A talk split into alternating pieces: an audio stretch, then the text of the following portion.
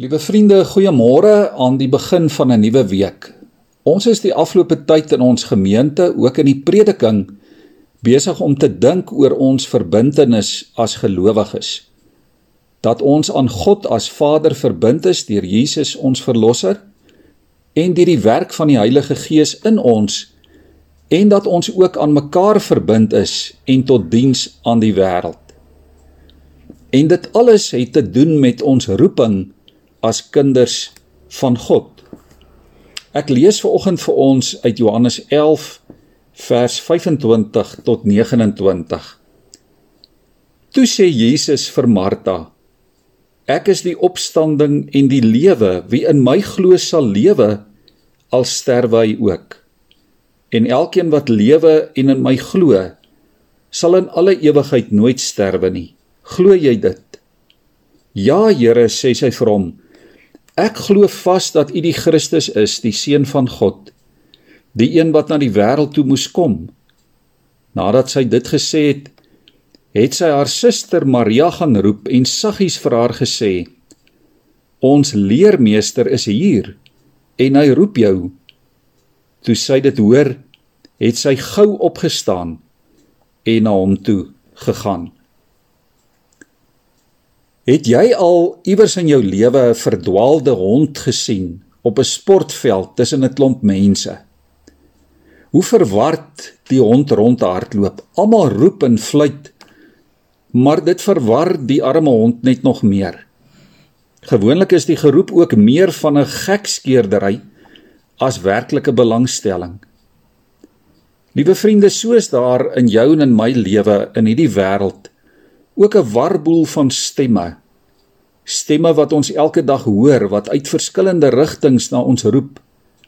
Sulke stemme kan maklik ons menslike hart verwar. Dit bring gewoonlik geen rus of vrede nie. Maar iewers in jou lewe is daar 'n stem. Die stem van Christus wat bo alle ander stemme uitstaan. En wat van elke mens, ja ook van jou en my, 'n persoonlike antwoord vra. Toe Maria die woorde hoor, ons leermeester is hier en hy roep jou, het sy dadelik opgestaan. Ten spyte daarvan dat daar in haar hart nog baie vrae was, baie twyfel oor die dood van haar broer.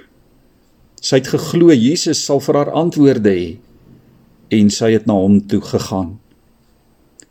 Wanneer die Here Jesus roep, is sy stem nie maar net een van baie stemme nie. Sy stem is anders. In sy stem hoor jy 'n ander soort klank, 'n ander boodskap. Dit gaan oor jou ewige toekoms. Dis 'n roeping, 'n stem waarop net jy kan antwoord. Dis 'n stem wat in liefde roep. Soos wanneer 'n pa sy kind se hand vat om hom of haar reg te lei. Daarom het hy gesê Kom na my toe almal wat uitgeput en oorlaai is, ek sal rus gee vir julle. Rus is die gevolg van opstaan en na hom toe kom. Dis die gevolg daarvan dat ons ons uitgeputte en sondebelaaide self prysgee sodat hy ons kan nuut maak. Christen wees is nie 'n bestemming nie. Dit is 'n roete en dit is 'n roeping. En daarom kies jy en ek nie net een keer vir Jesus nie. Ons kies op hierdie roete elke dag. Ja, ons kies elke dag om op te staan, om na hom toe te gaan, om by hom te leer, om hom te volg, om hom te dien. Martha en Maria het lankal in Jesus geglo. Maar toe Lazarus sterf, was hulle platgeslaan. Hulle het baie dinge glad nie verstaan nie en hulle moes weer die versoeking tot ongeloof oorwin. Dit was genade dat toe Jesus roep, hulle weer kon opstaan en op sy roepstem kon reageer. Kom ons buig ons hoofde in gebed.